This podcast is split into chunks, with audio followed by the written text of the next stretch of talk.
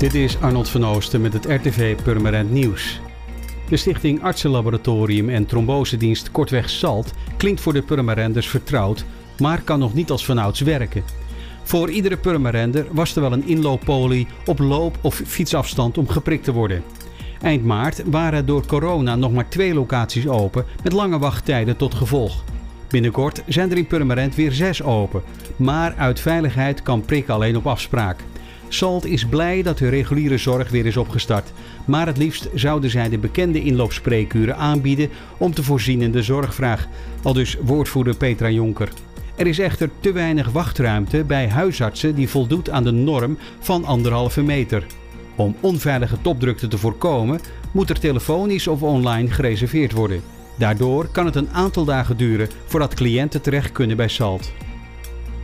Naar aanleiding van de corona-uitbraak in de Beemster heeft Kono Kaasmakers, gevestigd in West-Beemster, haar kaaswinkel gesloten. Ze hebben dat om diverse redenen gedaan. Het waarborgen van de veiligheid van het personeel en de klanten. En daarnaast wil men niet het risico lopen dat een uitbraak ook het bedrijf treft. De productie moet op peil blijven, aldus woordvoerder Daphne Wittebrood. Het is sinds corona al de tweede keer dat de winkel haar deuren sluit.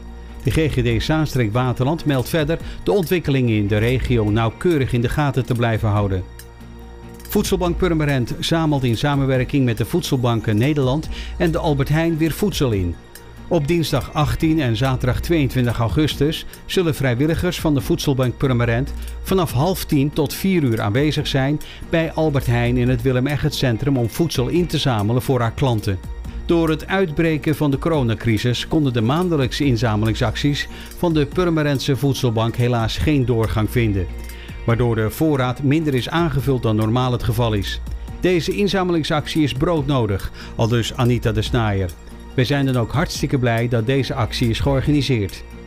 Voor meer nieuws, kijk of luister je natuurlijk naar RTV Purmerend, volg je onze socials of ga je naar rtvpurmerend.nl.